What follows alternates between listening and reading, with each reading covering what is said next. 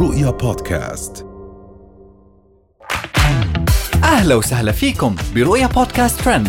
كل إشي بتحتاجوا تعرفوه عن آخر أخبار النجوم والمشاهير وأهم ترند صدر لهذا الأسبوع. هند القحطاني تطلب من أمها تجيبها زيارة لأمريكا. زهور سعيد جابت العيد وهي تشرح عن الرقص. الدكتورة خلود تتكفل بطفلة فلسطينية استشهدت عائلتها. وأخيرا الملكة أحلام وحليبة بولند تدعم أهل فلسطين.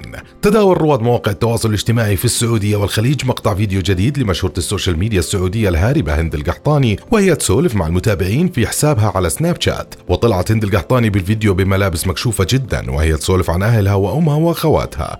وتقول ما تدرون يدرون شلون ما عندهم شخصيات حتى يجون زيارة عندي. كل هذا خوف من إخواني الرجال. ومن هند القحطاني وقصصها رح ننتقل لزهور سعود.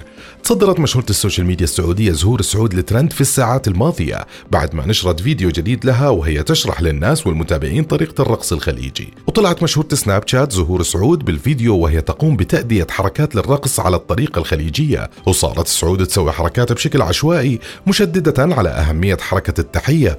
قائلة التحية ما تتسوى لأي حد. ومن زهور ننتقل للدكتورة خلود. تصدرت في الساعات الماضية مشهورة ال social media الكويتية الدكتورة خلود الترند بشكل كبير بعد ما نشرت فيديو جديد لها وهي تسولف عن الإجراءات اللي بدأت فيها حتى تتكفل في تربية طفلة فلسطينية خسرت أهلها في القصف على غزة.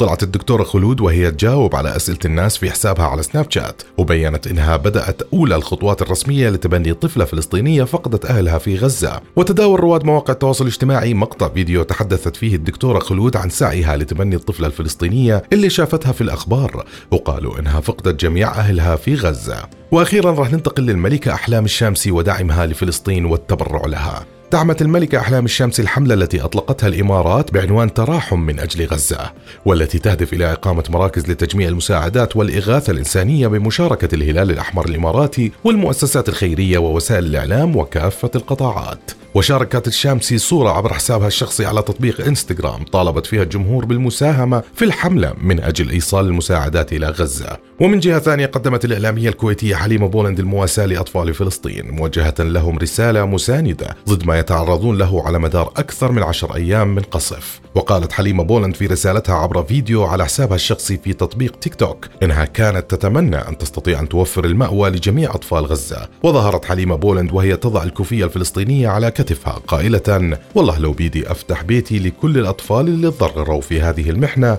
وفي هذه المصيبة. وهي كانت أهم أخبارنا لليوم. بنشوفكم الحلقة الجاي. رؤيا بودكاست.